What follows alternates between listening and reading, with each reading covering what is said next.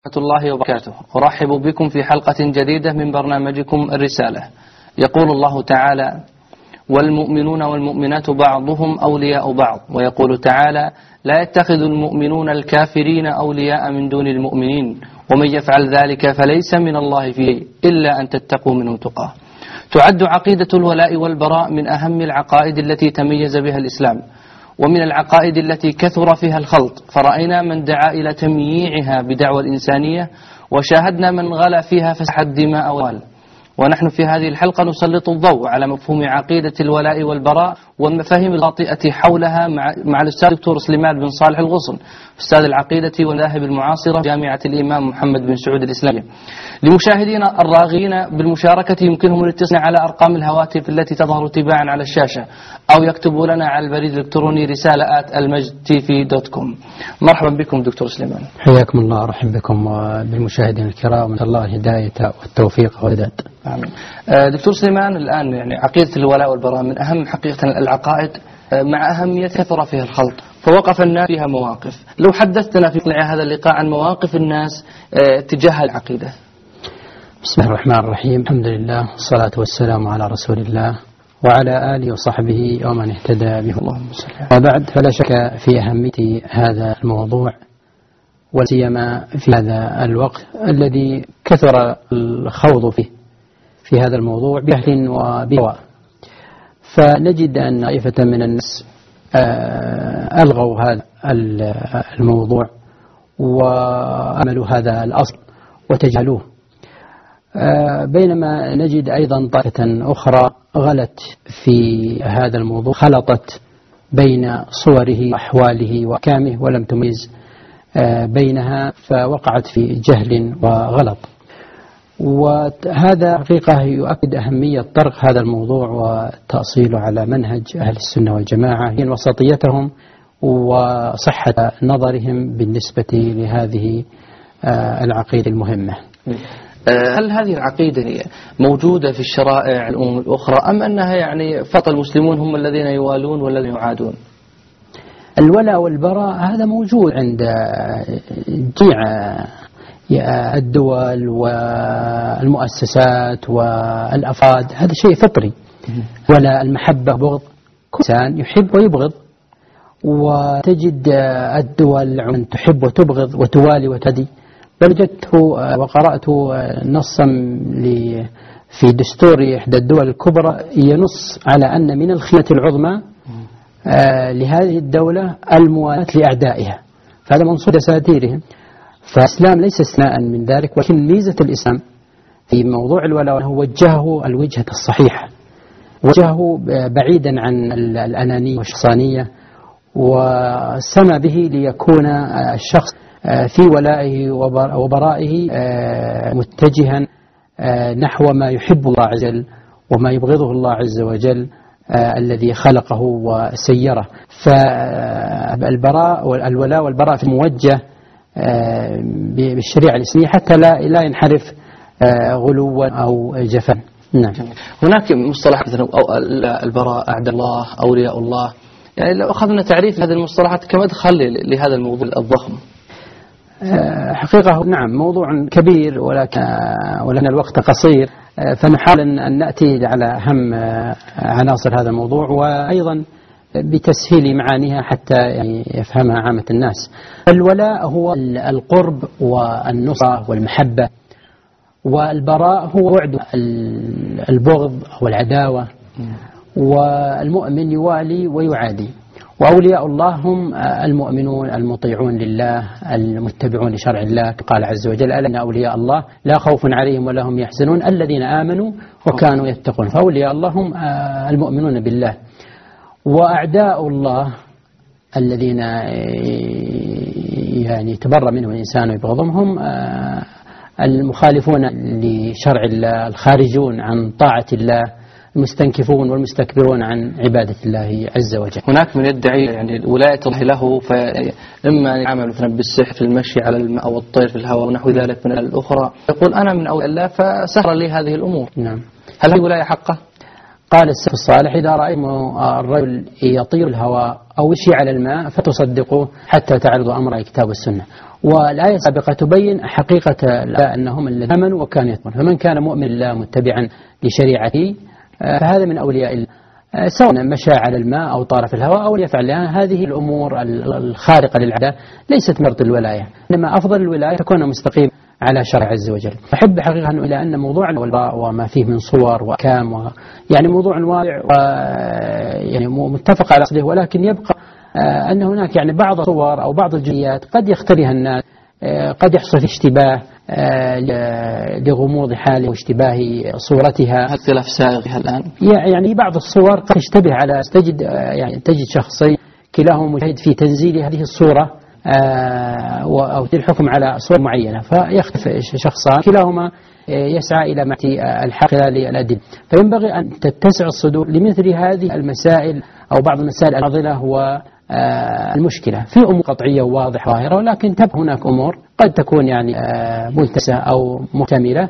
لا ينبغي أن يتقاطع المسلمون في يعني يعني يتقطعون ويتعاون لتزيل بعض الأحكام. من يحب أن ننبه إلى أن أحكام الولاء أو تزيل الأحكام على الصور هذا ليس من شأن العامة وإنما يعني هو من شأن لما الراسخين الذين يدركون مقاصد الشريعة ويعرفون أحكامها فهم الذين ينزلونها على الصور. لكن نحن يعني يسعنا أن نعرف المفاهيم ونعرف الصور يعني بشكل مجمل. كأني أفهم من عقيدة الولاء والبراء إذا هناك أمور معينة للولاء. ليس للشخص أن يوالي من يريد أو يعادي من يريد. هناك ضوابط معينة في الإسلام كما هو ما تميز الإسلام أن حد لها حدودا وجعلها لها ضبط هل الولاء يعني ممكن أن نقسم إلى ولاء مشروع ولاء مذموم ممنوع؟ نعم لا شك أن الولاء هناك ولاء مأمور به وهناك ولاء منهي عنه وكذلك البراء. لكن أحب أن أنبه لنا يعني الولاء والبراء منزلة عظيمة في الإسلام. وقد بين النبي صلى الله عليه وسلم أنه أن هذا تقعر الإيمان كما حديث الذي رواه أحمد وغيره أو ثعر الإيمان كما في الحديث الذي رواه أحمد وغيره أوثق على الإيمان الحب في الله والبغض في الله. وفي رواية أوثق على الإسلام. وفي الحديث الآخر رواه أحمد الحاكم بسند صحيح من أحب في الله وأبغض في الله وأعطى لله ومنع لله فقد استكمل الإيمان. فهذا من أعظم الأمور أن أن يكون حبك وبغضك لله أن أن توجه ما حب حبك وبغضك لما يحبه الله عز وجل ولما يبغضه الله عز وجل فتحب ما يحب وتكره ما يكره توالي من يوالي وتعادي من يعادي. جميل. هناك بعض الكتاب يقول الولاء والبراء ليس من أصل الإسلام. هو مهم في الإسلام لكن لا يعتبر أصل من أصول الإسلام. هل العبارة هذه صحيحة وسليمة؟ ما معنى يعني ليس من أصل من من أصول الإسلام؟ يعني هي لا تقارن كما يقول مثلا بأركان الإسلام الستة أو نحوها. الولاء أو في الحقيقة هو نابع من شهادة الله إلا وأن محمد رسول الله. جميل. حينما تشهد أن أن أن أن لا, لا إله إلا الله فمن مستلزمات هذه الشهادة أن تحب هذه الكلمة وتحب أهلها وأن تبغض من من عاداها فلها علاقة بالتوحيد. جيد. نعم. والإشكال شيخ أن هناك حقيقة أناس كثر خاضوا في مثل هذه الموضوعات التي لا يخوض فيها إلا كبار العلماء وأساءوا حقيقة الأدب في التعامل مع كتاب الله وسنة رسول الله. لكن دعنا نتحدث بما أن قسمنا الولاء إلى ولاء مشروع وولاء ممنوع. نود أن نتعرف على هذا الولاء المشروع الذي للإنسان أن يوالي من خلاله. الولاء المشروع يعني كما سبق أن الولاء أصله المحبة المحبة القلبية. إذا كان الولاء هو أصله المحبة القلبية فإن من المقطوع به أنه يجب على الإنسان أن يوالي الله عز وجل ورسوله صلى الله عليه وسلم ودينه وأهل, وأهل الإسلام. هذا أمر واجب. كما قال عز وجل إنما وليكم الله ورسوله والذين آمنوا. فهذا أمر يجب على كل مسلم على كل مسلم أن يوالي بهذا المعنى. ومن لوازم هذا الولاء أن يحب الإنسان ربه وما يحبه ربه ويحب رسوله صلى الله عليه وسلم وما يحبه الرسول صلى الله عليه وسلم وأن يفعل الأوامر ويترك النواهي ويلتزم بالشريعة ويصدق الأخبار ويدافع عن الدين ويكون عنده غير على محارم الله والتحذير مما يشوه هذا الدين. كل هذا مما يدخل في الولاء لله ولرسوله و آه، أيضا لكتابه وللمؤمنين. جميل. نعم. يعني هذا هو الولاء المشروع. نعم فالولاء المشروع يعني يعني فعل كل ما يحبه الله نعم. ويرضاه وترك ما لا يحبه. وكذلك الرسول صلى الله عليه وسلم كما قال عز وجل قل إن كنتم تحبون الله فاتبعوني يحببكم الله ويغفر لكم ذنوبكم. وفي الحديث ثلاث من كن فيه وجد بهن حلاوة الإيمان وذكر أن يكون الله ورسوله أحب إليه مما سواهما. لا يؤمن أحدكم حتى أكون أحب إليه من ولده ووالده والناس أجمعين. آه، لا يؤمن أحدكم حتى يحب لأخيه ما يحب لنفسه من مظاهر أيضا الولاء لأهل الإيمان أن تحب لهم الخير وتناصحهم وتعينهم وتقف معهم. كل هذه من مظاهر الولاء لأهل الإيمان. جميل. آه، والولاء الممنوع يعني هذا ذكرت الولاء المشروع هو ما يتعلق يعني بالأشياء التي ذكرتها كلها بمحبة الله ومحبة رسوله وما يعني يحبه الله ويحبه الرسول. الولاء الممنوع الذي يمنع منه المسلم ويمنع أن يوالي من خلال هذا الولاء. نعم. آه إذا آه الولاء المشروع عرفناه. الولاء الممنوع هو ضد الولاء المشروع. فالولاء الممنوع هو موالاة آه من لا يواليه من لا يواليه الله عز وجل. يعني موالاة أعداء الله. هذا ولاء آه ممنوع. ويدخل في ذلك الولاء للكافرين مثلا لأن الله عز وجل لا يحبهم ولا يتولاهم فنحن لا نتولاهم. فمن تولى الكافرين فإنه قد وقع في الولاء الممنوع كما قال عز وجل لا يتخذ المؤمنون الكافرين أولياء من دون المؤمنين وما يفعل ذلك فليس من الله في شيء إلا أن تتقوا منه تقاه يا أيها الذين آمنوا لا تتخذوا اليهود والنصارى أولياء. يا أيها الذين آمنوا لا تتخذوا عدوي وعدوكم أولياء. يا أيها الذين آمنوا لا تتولوا قوما غضب الله عليهم. قد يئسوا من الآخرة كما يئس الكفار من أصحاب القبور. يا أيها الذين آمنوا لا تتخذوا آباءكم وإخوانكم أولياء إن استحبوا الكفر على الإيمان. إلى آخر الآيات مع كثرة هذه الآيات هل هناك علة ظاهرة في يعني المنع من ولاء الكفار؟ نعم آه، جاء يعني في, في نفس هذه الآيات نعم. ما يدل على العلة مثل قول الله عز وجل آه، يا أيها الذين آمنوا لا تتولوا قوما غضب الله عليهم. لا تتولوا قوما غضب الله عليهم.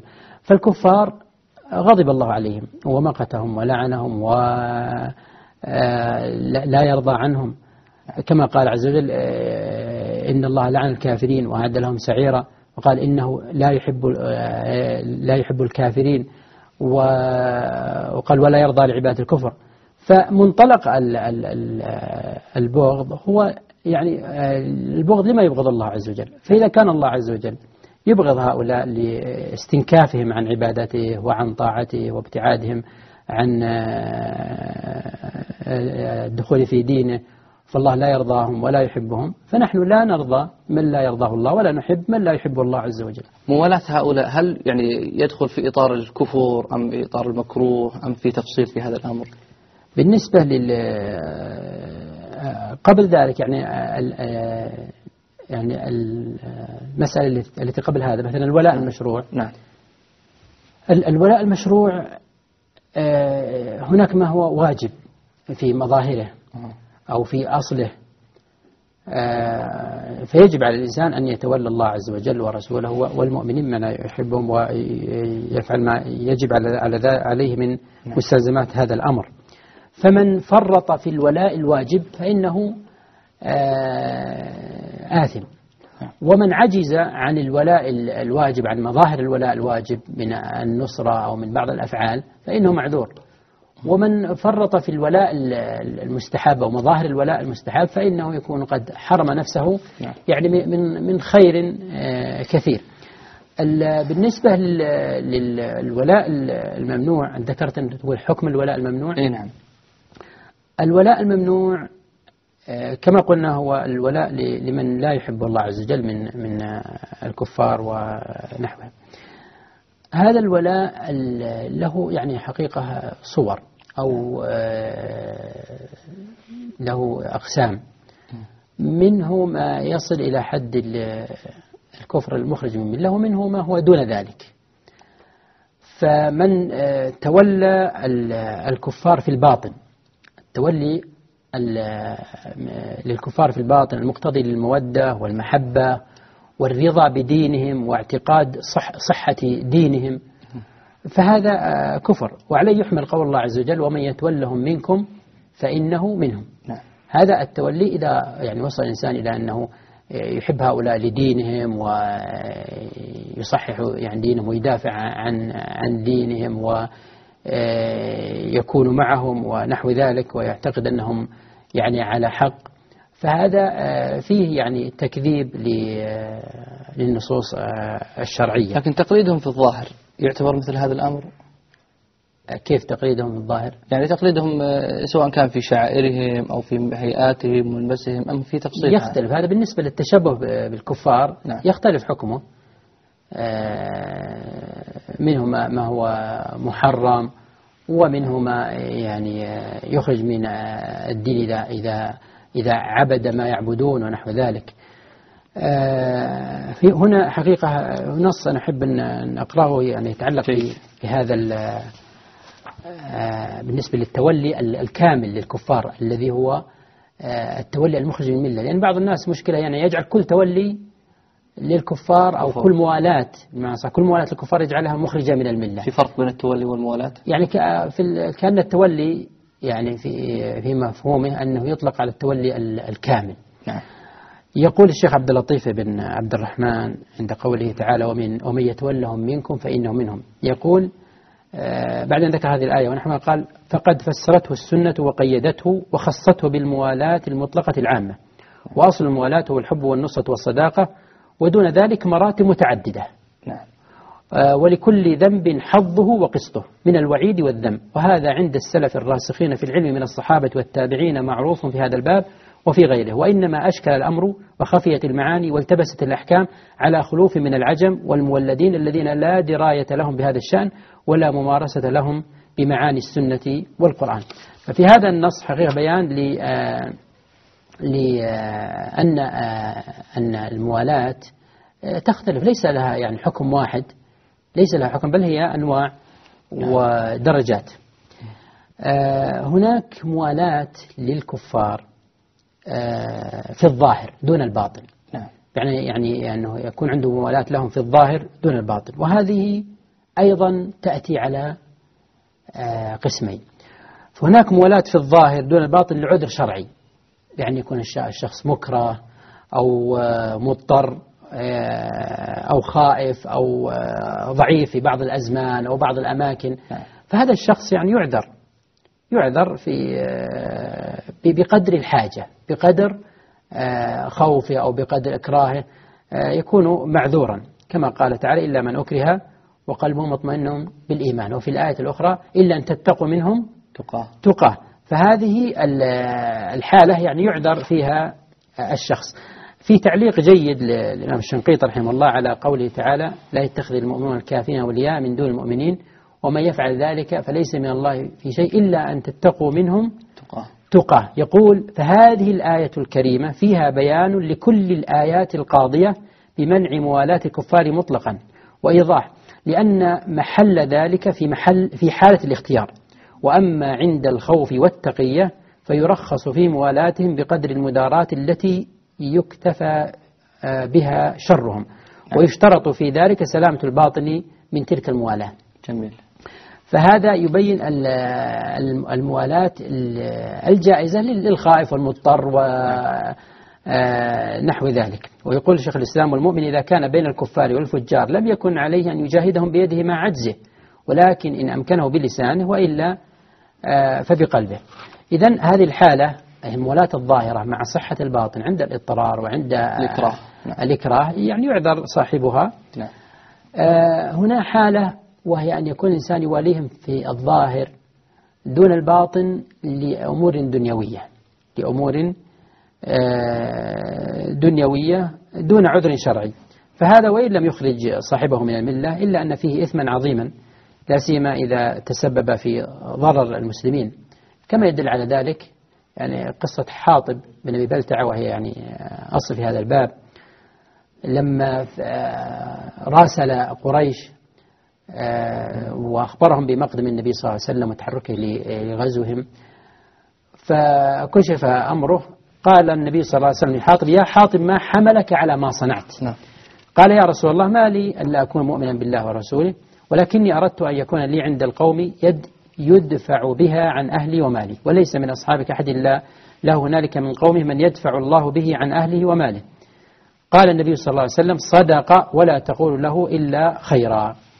وفي رواية أخرى قال آه، يا رسول الله لا تعجل علي إني كنت امرأ ملصقا في قريش ولم أكن من أنفسها وكان من معك من المهاجرين لهم قرابات بمكة يحمون بها أهليهم وأموالهم فأحببت إذ فاتني ذلك من النسب فيهم أن أتخذ عندهم يدا يحمون بها قرابتي وما فعلت ذلك كفرا ولا ارتدادا ولا رضا بالكفر بعد الإسلام نعم. فعذره النبي صلى الله عليه وسلم يعني بمعنى أنه لم لم يكفر مع أن عمر رضي الله عنه قال ما قال فيه وهذا الذنب الذي حصل من حاطب رضي الله عنه منعه من أو كفره حضوره حضوره بدر نعم.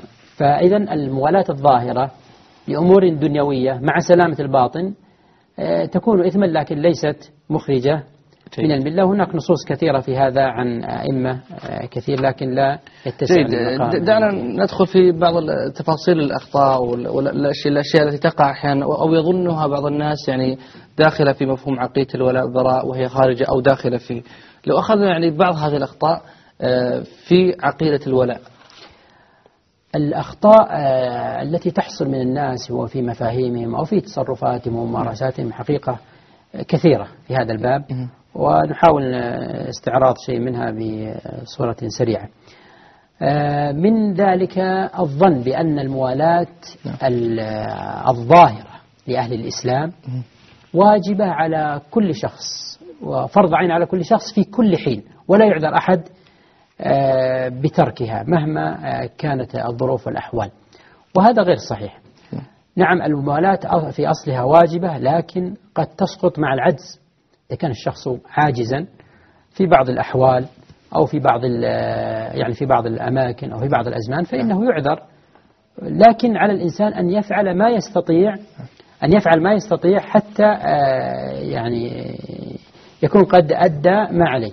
لكن لا نلزم الشخص بأن يفعل آه، يعني المناصرة المطلقة حتى ولو لم يستطعها أو لو سببت ضررا على المسلمين. ويشهد لذلك قصة أبي جندل نعم. وأبي بصير المشهورة لما كتب النبي صلى الله عليه وسلم الصلح مع قريش. وكان من من من من من شروط الصلح.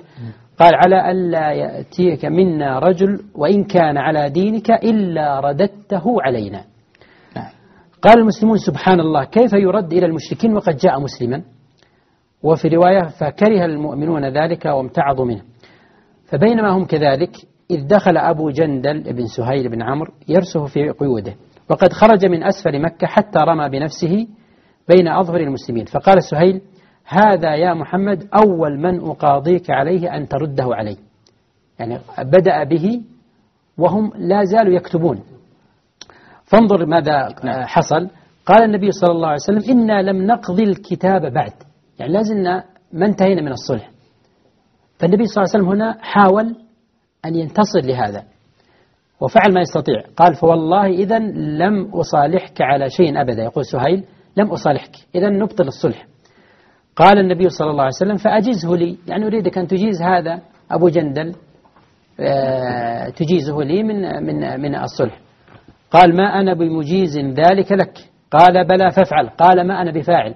انظر إلى هذه المجادلة كلها من حرص النبي صلى الله عليه وسلم على أن يستثني أبا جندل ولكن أصر جميل. سهيل.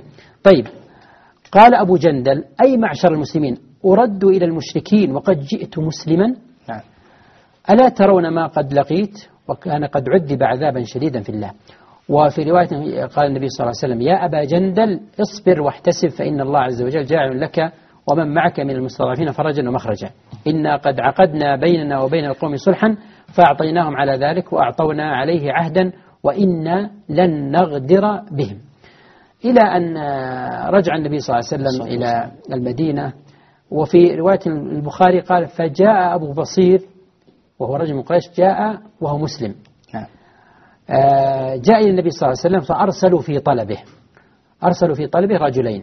فقالوا العهد الذي جعلت لنا. فدفعه إلى الرجلين. دفع النبي صلى الله عليه وسلم أبا بصير إلى الرجلين فخرج حتى بلغ ذا الحليفة. إلى آخر القصة التي حصلت مع مع الرجلين قتل أحدهما ثم آه، هرب الآخر إلى آخره. المقصود والشاهد من هذه القصة أن النبي صلى الله عليه وسلم آه، رد أبا جندل وأبا بصير مع أنه باستطاعته أن يبقيه أن يبقيهما لكن هذا محافظة على مصلحة أعظم جميل. للمسلمين. ومع ذلك أيضا حاول النبي صلى الله عليه وسلم استثناء أبا أبي جندل ولكنه آه، لم يستطع. إذا آه، الإنسان عليه أن يعمل أن يعمل في في المناصرة وفي نعم. آه، مفاهيم الولاء ومناصر المسلمين قدر ما يستطيع. لكن لا يصح أن نقول للشخص العاجز سواء كان شخص أو أو دولة أو مؤسسة أو أي شيء لا نقول أن أنكم أنتم يعني لم لم توالوا المسلمين أو أنتم تبرأتم من المسلمين. إذا إذا لم يستطيعوا. نعم. فالإنسان يتقي الله ما استطاع. جميل. نقطة واضحة معنا المداخلة مع الدكتور ناصر بن عبد الكريم العقل أستاذ العقيدة والمذاهب المعاصرة بجامعة الإمام. السلام عليكم دكتور. وعليكم السلام ورحمة الله وبركاته. مرحبا بك دكتور. الله يحييك وشكر الله لكم وللدكتور سليمان على هذا الطرح المميز. آه، الحقيقة أولا أستاذن زميلي والدكتور سليمان بأني قد لا أتي بجديد لكن أحب أن ننبه على بعض الأمور اللي هي أقرب إلى القواعد أشار إليها الدكتور سليمان آه، يعني في بعض كلامه لكنها تحتاج إلى إلى مزيد تنويه جيد أولا آه، أن الولاء والبراء من حقوق الله تعالى. وليس موقفا بشريا عدوانيا. ولا إقصاء ظالما كما يزعم البعض للآخر. بل إنه ليس مجرد موقف من أمة أو من مجموعة من الناس فما هو إلا تشريع رباني لازم من لوازم الدين وثابت من ثوابته. ممتاز. وعلى هذا فإن المتأمل للنصوص الشرعية الكتاب والسنة يجد أن أصل الولاء جاءت بهذه النصوص القطعية الواضحة. إذا فهو كما أشرت من ثوابت الدين. ليس موقف اختياري أو مجرد مصلحة عارضة. بل ليس مجرد موقف فردي أو من مجموعة من الناس أو فئة من المسلمين أو من العلماء أو من المتدينين كما يتوهم أيضا البعض فهي تشريع من الله عز وجل كما قال تعالى يا أيها الذين آمنوا لا تتخذوا عدوي وعدوكم أولياء تلقون إليهم بالمودة نعم. وقد كفروا بما جاءكم من الحق الأمر الآخر أن من لوازم الإيمان بالله الذي يدعيه كل إنسان أو الإيمان بالله على الوجه الشرعي الصحيح الذي يدعيه مسلم من لوازم الإيمان بالله و يعني تعظيم الله عز وجل في القلب و ما يجب أن يظهر من أثر السلوك سلوك الإنسان في هذا الادعاء ادعاء تعظيم الله. نعم. فأي مسلم لا ولا بد أن يعتقد تعظيم الله عز وجل لا بد أن يحب الله كمال المحبة ويخشاه ويرجوه. أقول ولا يتصور هذا المقام في الإيمان إلا بمحبة ما يحبه الله ومحبة ما يحبه رسول الله صلى الله عليه وسلم. نعم. كما قال عز وجل قل, إن كنتم تحبون الله فاتبعون فاتبعوني يحبكم الله. وذلك بمحبة ما شرعه الله. كذلك من لوازم الإيمان بالله بالضرورة ومحبة الله عز وجل ومحبة رسوله صلى الله عليه وسلم محبة من يحبهم الله ومن يحبهم رسول الله صلى الله عليه وسلم ومحبة ما يحبه الله من الأقوال والأفعال والسلوكيات والتصرفات. وهذا أمر ضروري وقد ثبت بالنصوص كما قال النبي صلى الله عليه وسلم أوثق عرى الإسلام الحب في الله والبغض في الله. نعم. وهل هذا إلا حقيقة الولاء والبراء؟ الأمر الأمر الآخر أن الولاء والبراء لا يعني كما يتوهم كثيرون ويوهمون الناس لا يعني العصبية أو الطاعة المطلقة لفئة ولا الظلم والعدوان للمخالف كما يظنون. إنما هو موقف قلبي وسلوكي يضبط بالضوابط الشرعية التي تقوم على العدل والحكمة وحسن المعاملة. ولذا فإني آسف للخلط والتلبيس الذي يحصل من بعض الكتاب وبعض المفكرين وبعض المتعالمين.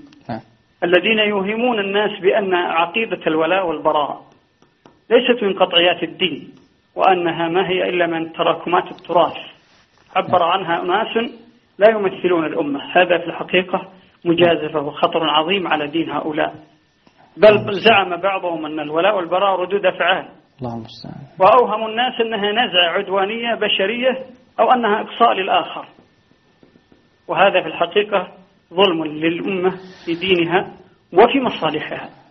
حقيقة دكتور ناصر يعني ال- الكلام معك شيق والنقاط التي آه، ذكرتها. دعني أعطني دقيقة يا. طيب،. لأنه أنا أريد أن أصل لنتيجة جيد.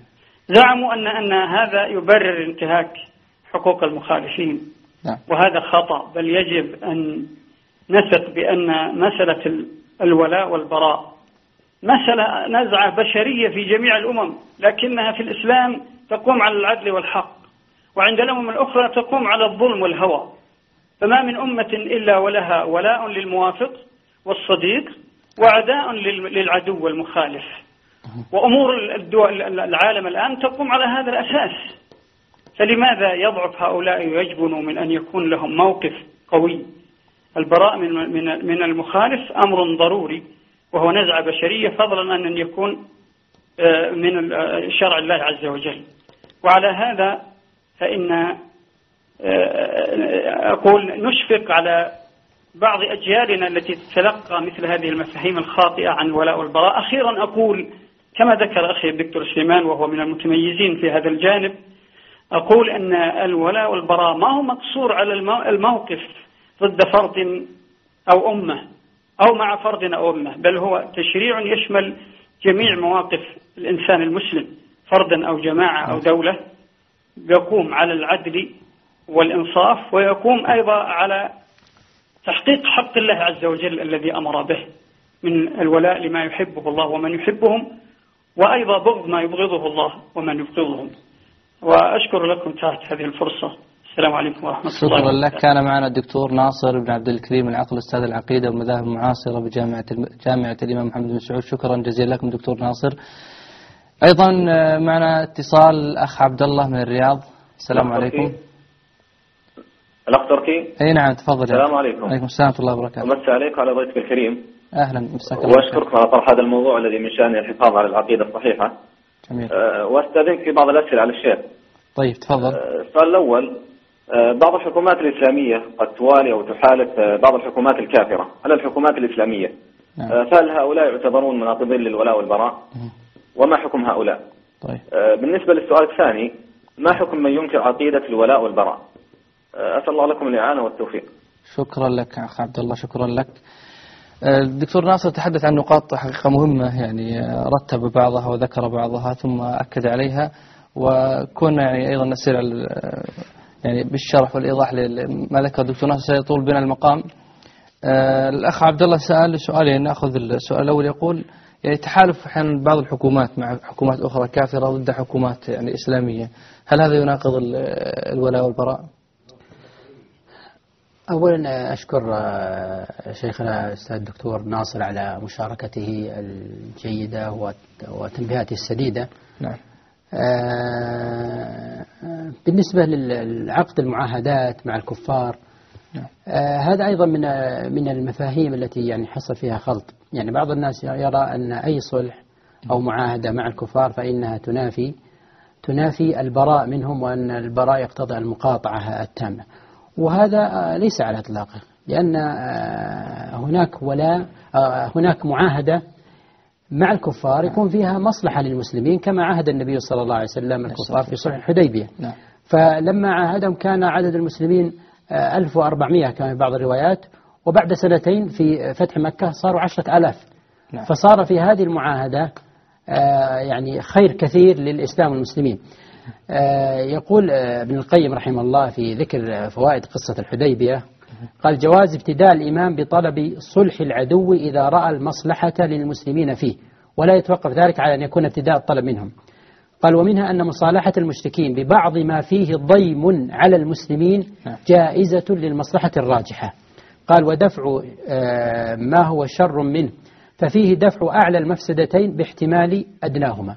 وقال إن هذه الهدنة, الهدنة كانت من أعظم الفتوح فإن الناس أمن بعضهم بعضا واختلط المسلمون بالكفار وبادؤوهم بالدعوة وأسمعوهم القرآن وناظروهم على الإسلام جهرة آمنين وظهر من كان مختف بالإسلام ودخل فيه آه، في مدة الهدنة من شاء الله ندخل إلى آخره. هذه وإن كان فيها يعني في في ظاهرها ضيم للإسلام والمسلمين حتى يعني آه، قال عمر رضي الله عنه ما قال وكيف نعطي الدنية في ديننا وإلى آخره. لكنها صارت فيها مصلحة للإسلام والمسلمين. فمتى رأى ولي الأمر أن عقد هذه المعاهدة والهدنة مع الكفار فيها مصلحة للإسلام ونشر الإسلام وأمن المسلمين ونحو ذلك؟ فإن هذا جائز ولا يتناقض مع البراء من الكفار. نعم. أيضا هناك من يخلط بين الولاء الممنوع وبين البر والإحسان للكافر. يعني يرى أنها يعني فيها شيء من الغموض. نعم. آه، صحيح. هنا يعني آه، عندنا يعني خلط من من طائفتين. بعضهم قال إن إنه ورد الإحسان للكفار نعم. اذا لا يجوز البراء منهم. وبعض الناس قال عندنا براء من الكفار اذا لا يجوز الإحسان ولا البر. وهذا غير صحيح فالبراء موجود فأنت تبغض الكافر. وتتباعد عنه ولكنك تحسن إليه نعم. وتبره آه إذا لم يكن آه مقاتلا كما قال تعالى لا ينهاكم الله عن الذين لم يقاتلوكم في الدين ولم يخرجوكم من دياركم أن تبروهم وتقسطوا إليهم إن الله يحب المقسطين فالإقساط والبر والإحسان ودعوتهم ومحبة هدايتهم كل هذا لا يتنافى مع مع البراءة منهم نعم. نعم. أيضا هناك من يجعل أن كل ولاء للكفار يعتبر كفر وردة كما الأخ يسأل يقول ما حكم من ينكر أيضا الولاء والبراء؟ في سؤال متعلق بهذا الأمر. ينكر الولاء والبراء؟ إيه. يعني ال ال ال الولاء والبراء هذا أصل من من من الأصول كما سبق الحديث عنه. آه لكن لا يصح أن يقال كل ولاء للكفار كفر كما سبق أن ذكرنا منها في النقل. وأيضا الشيخ عبد اللطيف يقول إن مسمى الموالاة يقع على شعب متفاوتة منها ما يوجب الردة كذهاب الإسلام بالكلية ومنها ما هو دون ذلك من كبائر المحرمات. فليس كل ولاء آه، كفر. آه، قد يكون محرم آه، كبيرة وقد يكون كفرا. فلا يصح أن يجعل كل ولاء للكفار مخرجا من من الملة. كيف يجمع الإنسان بين المحبة الطبيعية وبين الولاء المحرم؟ لا لا تعارض. فإن الإنسان قد يحب يعني آه، يحب أباه الكافر ويحب ولده الكافر ويحب زوجته الكافرة. قد يتزوج زوجة ويكون بينهم مودة ورحمة آه، طبيعية أو فطرية ولكن هذا ليس ليس من الولاء للكفار. لأن لأن الولاء المحرم هو المحبة الإيمانية. آه، فيجب أن تبغضه وإن وجدت هذه المحبة الفطرية في الشخص؟ ووجود المحبة الفطرية لبعض الكفار آه، لا يعني آه، هذا وجود الولاء المحرم. جميل. أيضا هناك من يعني يرى أن الوقوف مع المسلم دائما سواء كان ظالما أو مظلوما ضد الكافر. نعم. آه، هو أن نقف مع المسلم ظالم أو مظلوم بأن نرده عن ظلمه إن كان ظالما نعم. لا أن نقف معه. ومن الخطأ أن أن يجعل بعض الناس أن من ولائك المسلم أن تقف ضد الكافر دائما. لا نحن نقف مع الحق. وقال الله, قال الله عز وجل ولا يجبنكم شنآن قوم على أن لا تعدلوا. فإذا ظلم المسلم الكافر فنحن نمنع المسلم عن الظلم. فالكافر لا يجوز يعني ظلمه ولا ولا خيانته آه، بل يجب الوفاء آه، بعهده. فليس من الولاء لأهل الإيمان أن يعانوا على الظلم. وليس من يعني البراء من الكفر أن أن تسلب حقوقه. جميل. إذا كان الآن اتضحت معالم الولاء عندنا الولاء المشروع الولاء الممنوع بعض الأخطاء فيه نريد أن نعرج على على البراء المشروع. يعني ما هو المقصود بهذا المصطلح؟ البراء الذي للإنسان أن يتبرأ من آه، ذلك الكافر. يعني هو بإيجاز البراء المشروع أن تتبرأ من كل ما يتبرأ الله عز وجل منه. نعم. تتبرأ من مما يبغضه الله من الأفعال ومن الأشخاص ومن أي من الفساد ومن الفجور ومن المعاصي ومن البدع. كل شيء يبغضه الله عز وجل فأنت تبغضه متابعة لربك ولنبيك محمد صلى الله عليه وسلم. هل لهذا البراء من أحكام؟ آه نعم. يجب أن تبغض ما يبغضه الله عز وجل. مثلا الفساد. والله لا يحب الفساد. نحن لا نحب الفساد. ولا يرضى لعباد الكفر. نحن لا نرضى الكفر. فهذا يجب أن على على الشخص أن يتبرأ ويبتعد ويبغض ما يبغضه الله عز وجل. آه، سبق معنا مثلا بغض الكافرين. كما قال تعالى وإذ قال إبراهيم لأبيه وقوم إنني براء من آه، إنني براء مما تعبدون إلا الذي فطرني فإنه سيهدي. وقد كان لكم أسوة حسنة في إبراهيم والذي إذ قالوا لقوم إن براء منكم مما تعبدون من دون الله. فيتبرأ الإنسان مما يتبرأ الله عز وجل منه. كذلك يتبرأ من الأعمال والاعتقادات الفاسدة والفساد في الأرض وأي شيء يبغضه الله عز وجل يتبرأ الإنسان منه. يتبرأ آه، من آه، البدع والمحدثات والمنكرات. كما قال كل ذلك سيئه عند ربك مكروها. كل ذلك كان سيئه عند ربك مكروها. وقال والله لا يحب الفساد. فنحن لا نحب ما لا يحبه الله. ولا نحب من لا يحبه الله.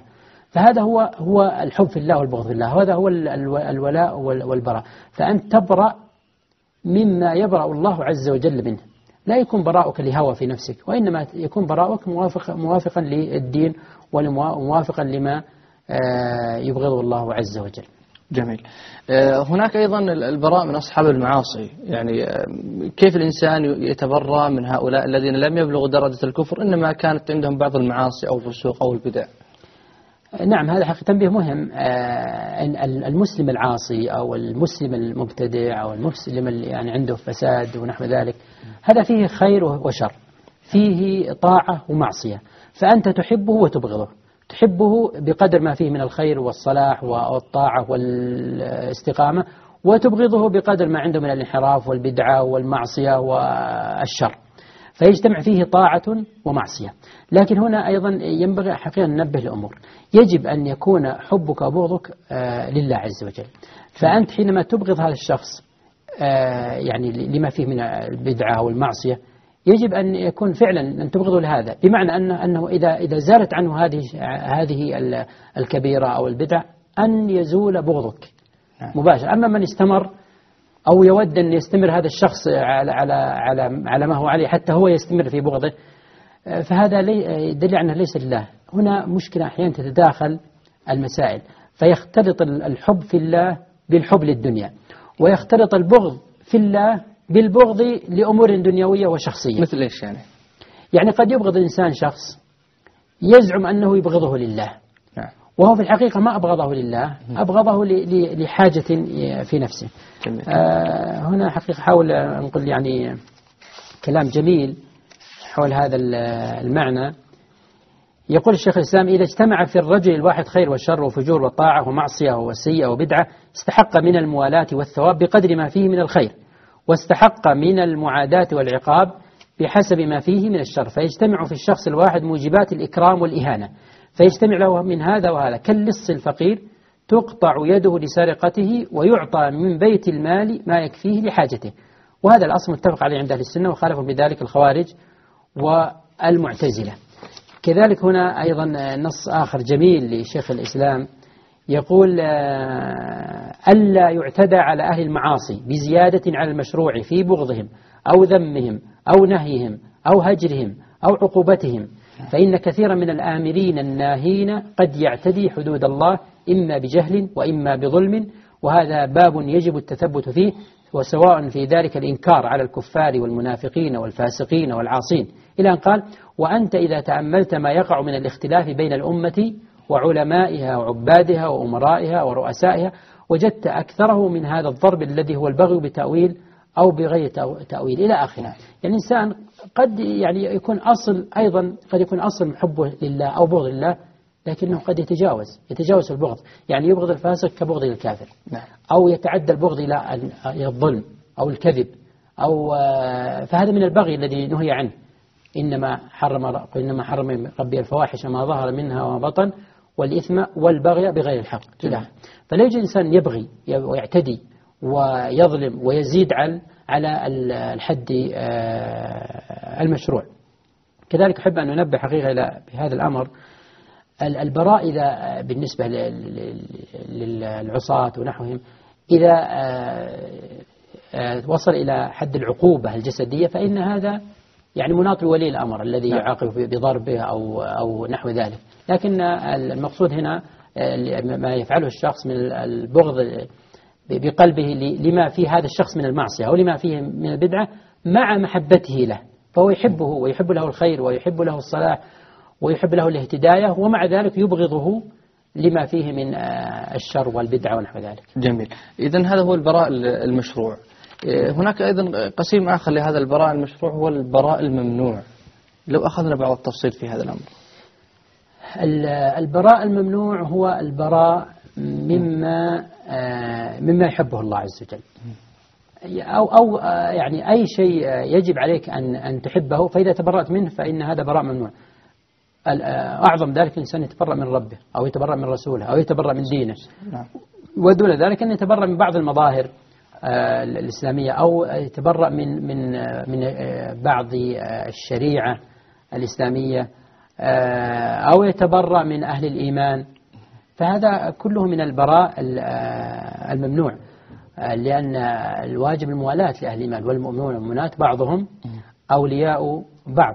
فلا يجوز الإنسان أن يبرأ مما يحبه الله ومن كره أحكام الله فإن هذا قد غضب الله عليه وسخط عليه كما قال تعالى والذين كفروا فتعسا لهم وأضل أعمالهم ذلك بأنهم كرهوا ما أنزل الله فأحبط أعمالهم. أو ذلك بأنهم اتبعوا ما أسخط الله وكرهوا رضوانه فأحبط أعمالهم. نعم. فهذا محبط للأعمال الإنسان يكره الدين أو يكره مظاهر الدين أو شرائع الإسلام أو يكره الرسول صلى الله عليه وسلم ونحو ذلك.